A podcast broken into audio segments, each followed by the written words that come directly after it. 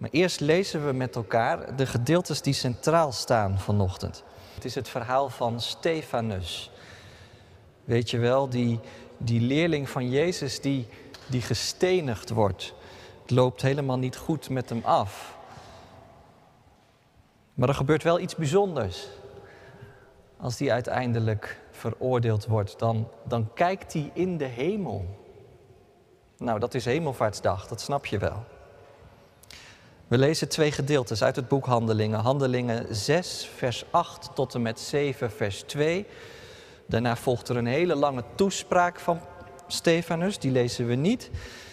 In de preek zal ik nog een beetje vertellen wat Stefanus ongeveer allemaal zegt. En daarna lezen we wat er daarna gebeurt.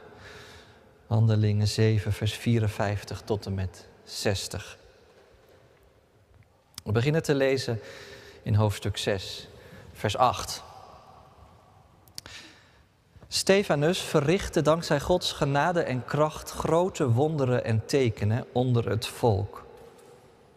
En enkele leden van de synagoge van de vrijgelatenen, waartoe ook Joden uit Cyrene en Alexandrië behoorden, evenals Joden uit Cilicië en Azië, kwamen in verzet en begonnen met hem te reden twisten. Maar ze konden niet op tegen zijn wijsheid en tegen de Heilige Geest die hem bezielde. Daarop zetten ze anderen ertoe aan te verklaren dat ze hadden gehoord dat Stefanus Mozes en God had gelasterd. Ook het volk hitsten ze op, evenals de oudste en de schriftgeleerden, en tenslotte namen ze Stefanus gevangen en brachten hem voor het Sanhedrin. Ze lieten valse getuigen komen. Die verklaarden, deze man keert zich steeds weer tegen de tempel en de wet. Want we hebben hem horen zeggen dat Jezus uit Nazareth de heilige plaats zal afbreken. En de gebruiken die Mozes ons heeft overgeleverd zal veranderen. Alle leden van het Sanhedrin vestigden hun blik op Stefanus en zagen dat zijn gezicht leek op dat van een engel. De hoge priester vroeg: Is dat waar? En Stefanus antwoordde: Broeders en leden van het Sanhedrin, luister naar wat ik u te zeggen heb. En Stefanus begon te spreken en zichzelf te verdedigen en te getuigen van Christus. En dan gaan we naar hoofdstuk 7, vers 54 toen hij uitgesproken was, toen ontstaken ze in woede en begonnen te knarsen tanden. En vervuld van de Heilige Geest sloeg Stefanus zijn blik op naar de hemel en zag de luister van God. En Jezus die aan Gods rechterhand stond. En hij zei, ik zie de hemel geopend en de mensenzoon die aan Gods rechterhand staat. Maar ze schreeuwden en tierden. Ze hielden hun handen voor hun oren en ze stormden met z'n allen op hem af. Ze dreven hem de stad uit om hem te stenigen. En de getuigen gaven hun mantel in bewaring bij een jonge man die Saulus heette. En terwijl Stefanus gestenigd werd, riep hij uit: Heer Jezus, ontvang mijn geest. Hij viel op zijn knieën en liep luidkeels: Heer, reken hun deze zonde niet aan. En na deze woorden stierf hij. Dit is het woord van God. Gelukkig zijn zij die naar het woord van God luisteren en ernaar leven. Amen.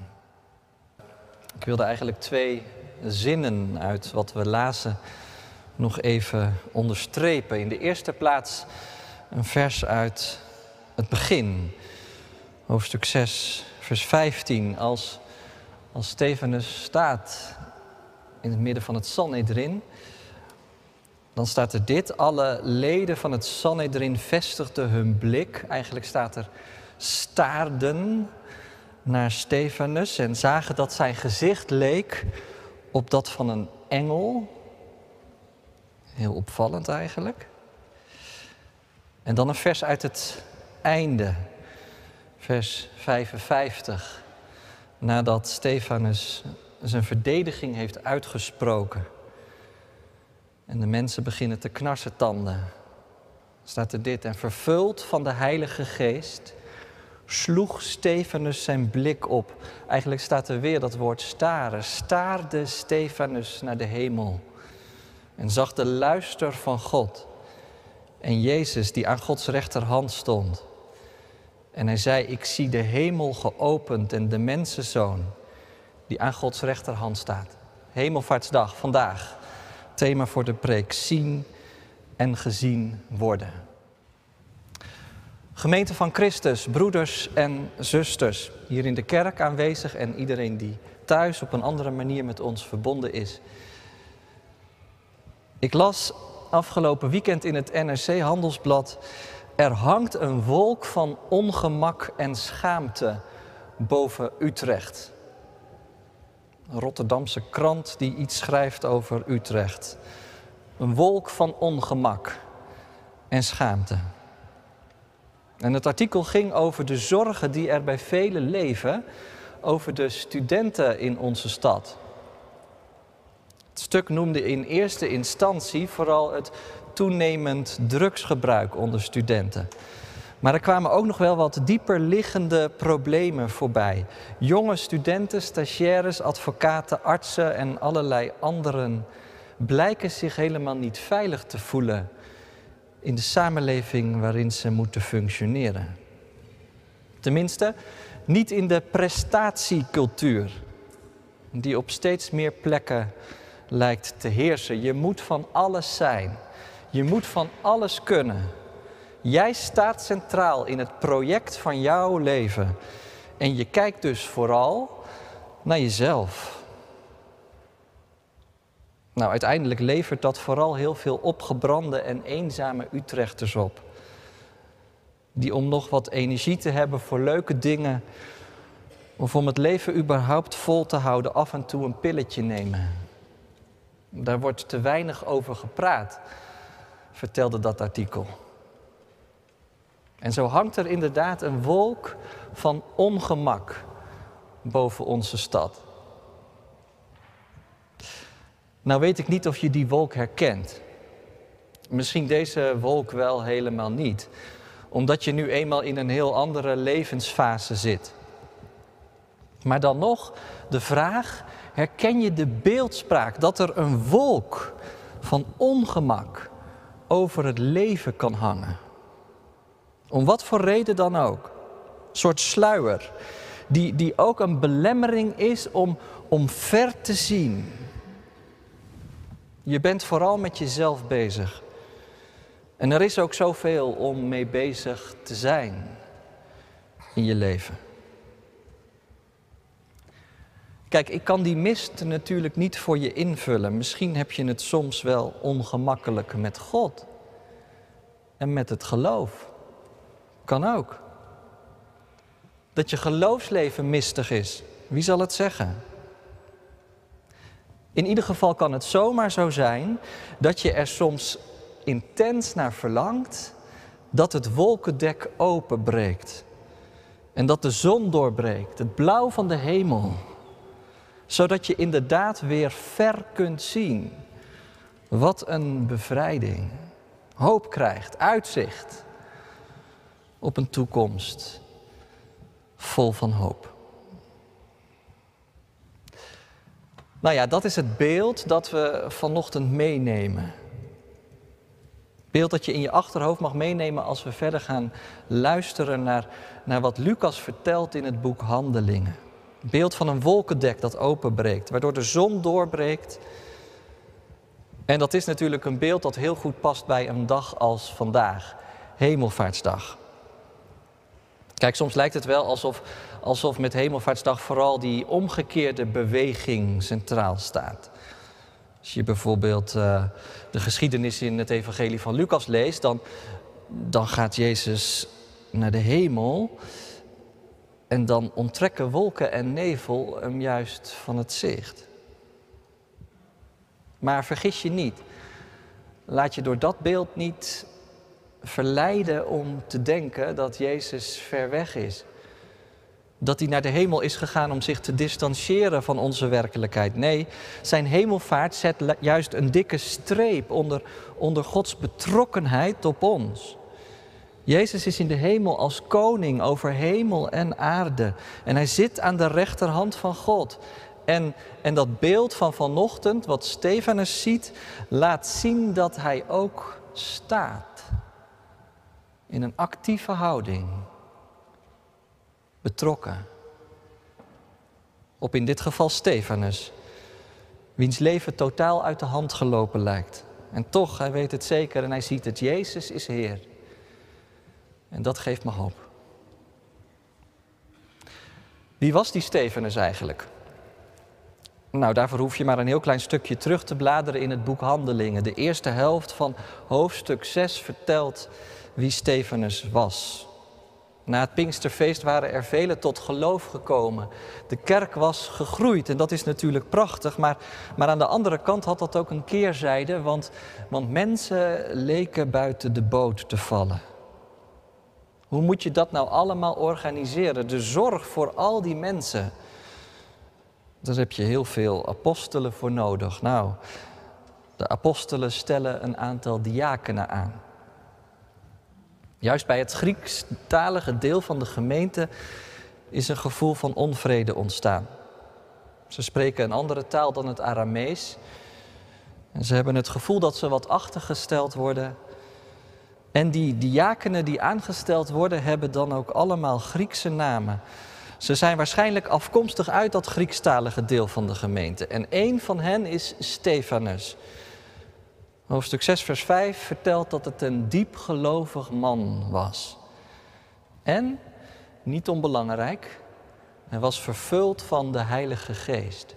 Komt een paar keer terug hè, als je dit leest. Dat Stefanus vervuld was van de Heilige Geest zijn in de kerk in deze tijd steeds die verhalen aan het lezen waar, waar Pasen en Pinksteren bij elkaar komen en dat vanochtend dan ook nog op Hemelvaartsdag. Vervuld zijn van de Heilige Geest en dan de opgestane Heer zien. Dus dat is belangrijk. Maar het is ook niet onbelangrijk dat hij een Griekse naam heeft. Want wat je in dit verhaal onder andere ziet gebeuren is dat de Messias beleidende Joodse gemeente zich meer en meer begint te openen naar de cultuur en de context waarin ze gemeente is. En dat was ook helemaal de bedoeling. Het evangelie is te groot om alleen in het Aramees te klinken. Het mag de hele wereld over. En dat blijkt dan best een heel spannend proces te zijn komt frictie tussen synagoge en kerk. Dat verschil tussen die twee komt steeds meer op scherp te staan. En je ziet eigenlijk een soort cultuurstrijd losbarsten. Met aan de ene kant de Joden, die zichzelf altijd als het uitverkoren volk hadden beschouwd. En aan de andere kant de zogenaamde heidenen, die nu in Christus ook een plekje kunnen innemen in de heilsgeschiedenis. Vraag is dus of die vreemde gelovigen nu echt welkom zijn. Die mensen die Grieks praten.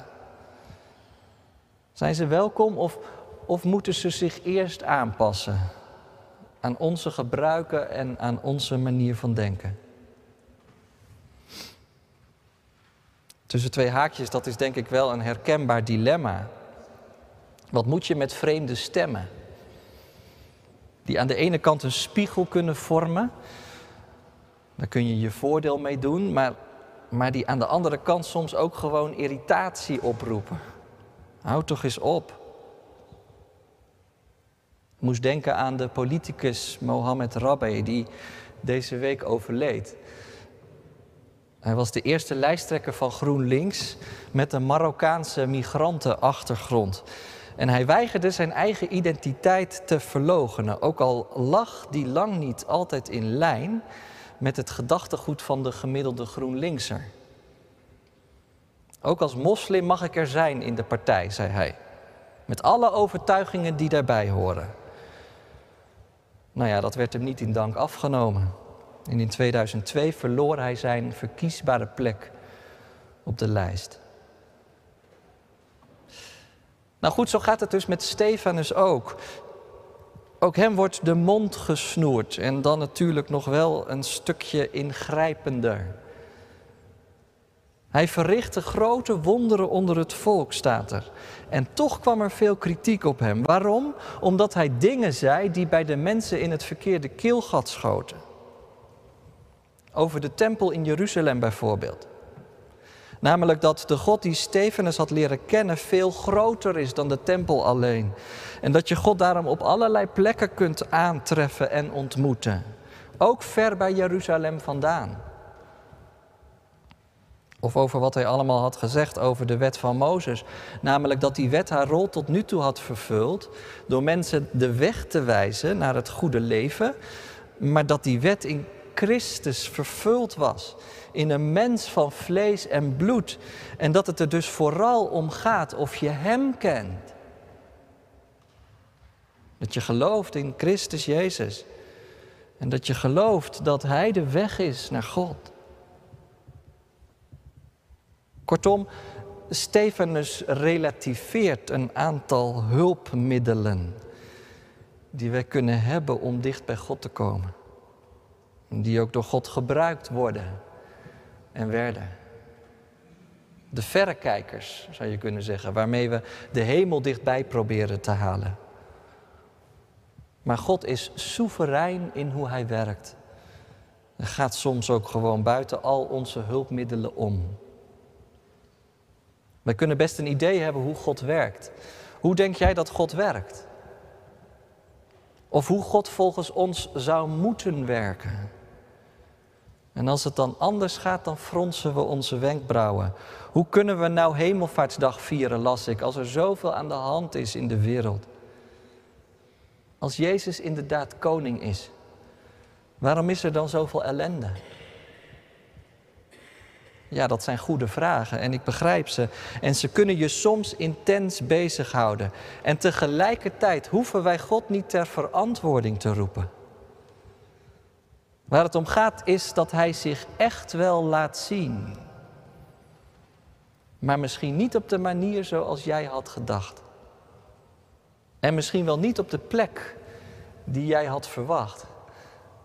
Heel ergens anders misschien op een heel onverwachte en ongedachte manier. Daar mag je op hopen en daar mag je om bidden. Dat leert ons het geloof. Want God is God, de totaal andere.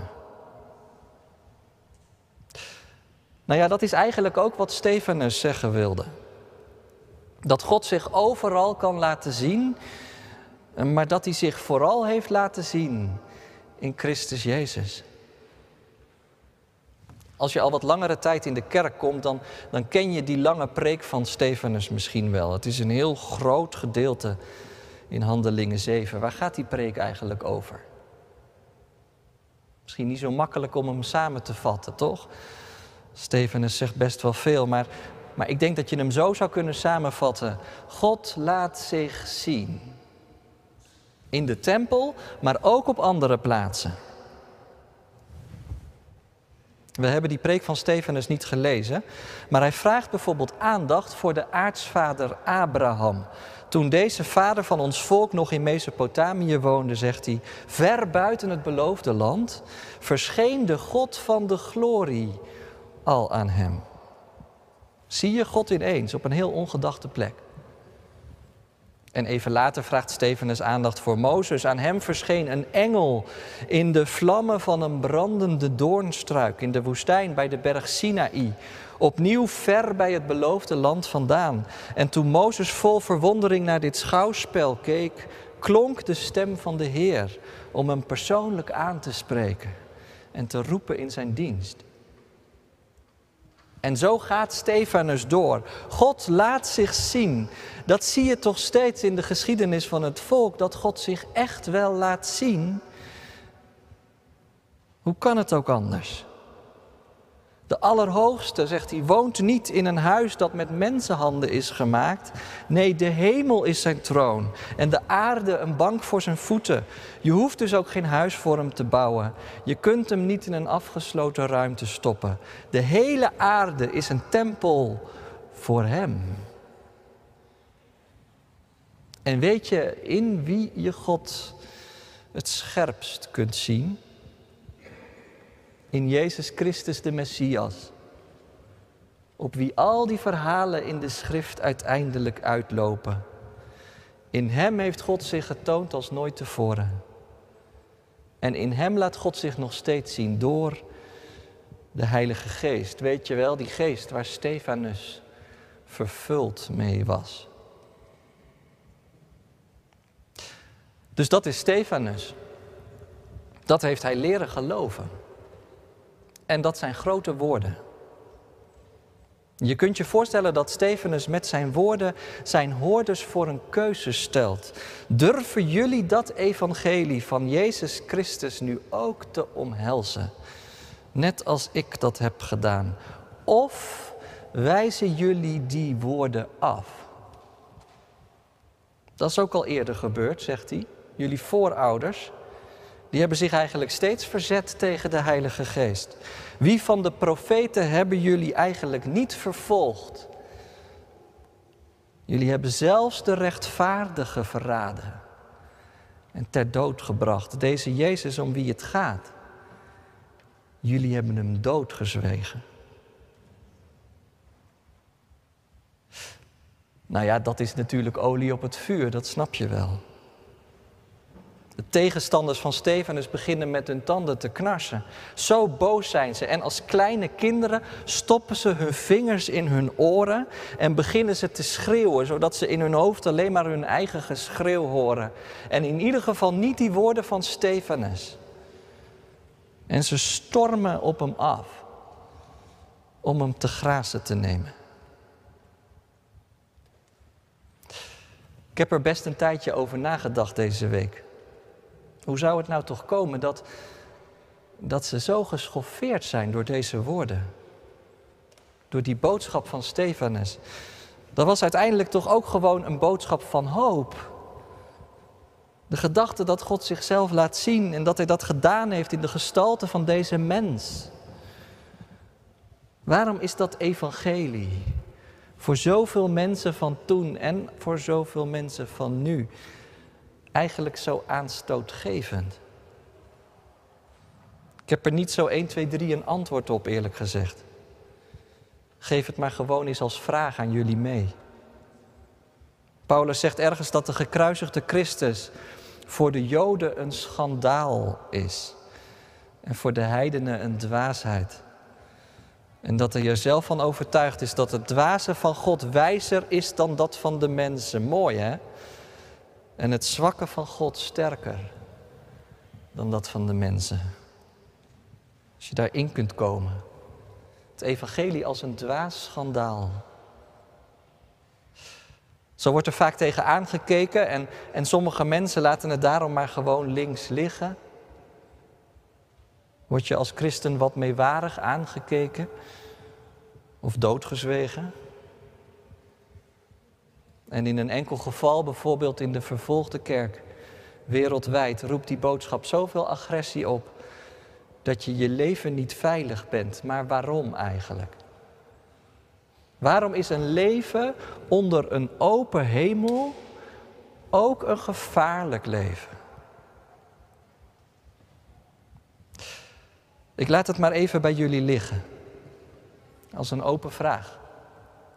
In ieder geval stormt er na deze woorden een woedende menigte op Stefanus af. En ze slepen hem mee de stad uit, waarschijnlijk naar een hoge plek. En daar gooien ze hem van af.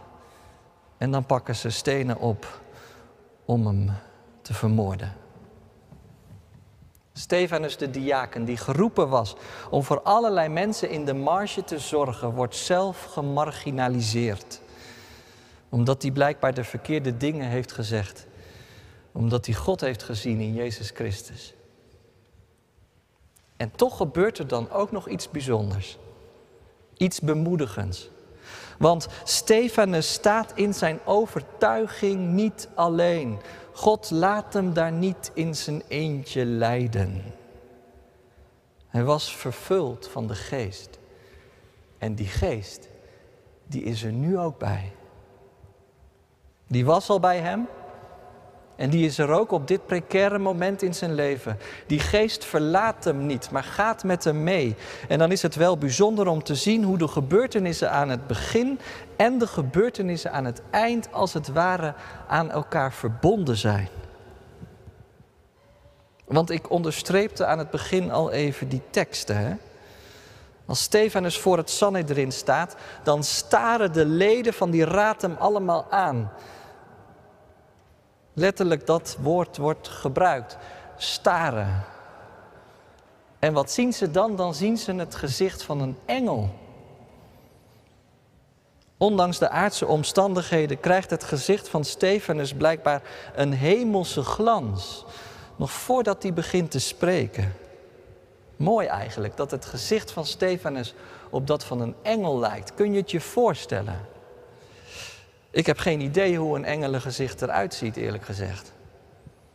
Maar het lijkt me dat hij een soort sereniteit heeft uitgestraald, een soort diepe vrede, nederig en onopvallend en tegelijkertijd zelfverzekerd en overtuigd, alsof Stefanus zich op dat moment al, al tussen hemel en aarde bevindt. Maar daar blijft het niet bij, want, want aan het eind van die toespraak, dan wordt dat werkwoord staren opnieuw gebruikt. En dan is het niet de raad die naar Stefanus staart, maar dan is het Stefanus die in de hemel staart. En dan ben je volgens mij heel dicht bij het geheim van een gelovig leven. Stefanus heeft een gezicht als van een engel omdat hij zo nu en dan in de hemel durft te staren. Ter bemoediging. God zien. En vervuld van de Heilige Geest staarde Stefanus naar de hemel en zag de glorie van God. En Jezus die aan Gods rechterhand stond. En hij zei, ik zie de hemel geopend en de mensenzoon die aan Gods rechterhand staat. Zou het kunnen dat het gezicht van Stefanus op dat van een engel leek, omdat hij wist dat je regelmatig naar de hemel staren moet? Omdat hij er rotsvast van overtuigd was, als ik naar Jezus Christus kijk, dan zie ik iets van de glorie van God. En dan straalt er iets van die glorie door mij heen naar de wereld rondom. Hij was zijn verdediging trouwens begonnen met dat verhaal over Abraham. En dan zegt hij, de God van de glorie, die ooit aan Abraham was verschenen, de God van de glorie, en nu ziet hij zelf de glorie van God. Diezelfde God van de glorie verscheen in Jezus Christus ook aan hem. En de mensen om hem heen zien iets van Christus in hem terug. En dat valt ook nog eens extra op als je nog wat andere dingen leest die we lazen. Want moet je horen wat Stefanus allemaal zegt. Helemaal aan het eind van wat we lazen. Heer Jezus, ontvang mijn geest. Hij zegt het als die sterft. En Heer, reken hun deze zonde niet aan. Herken je de woorden?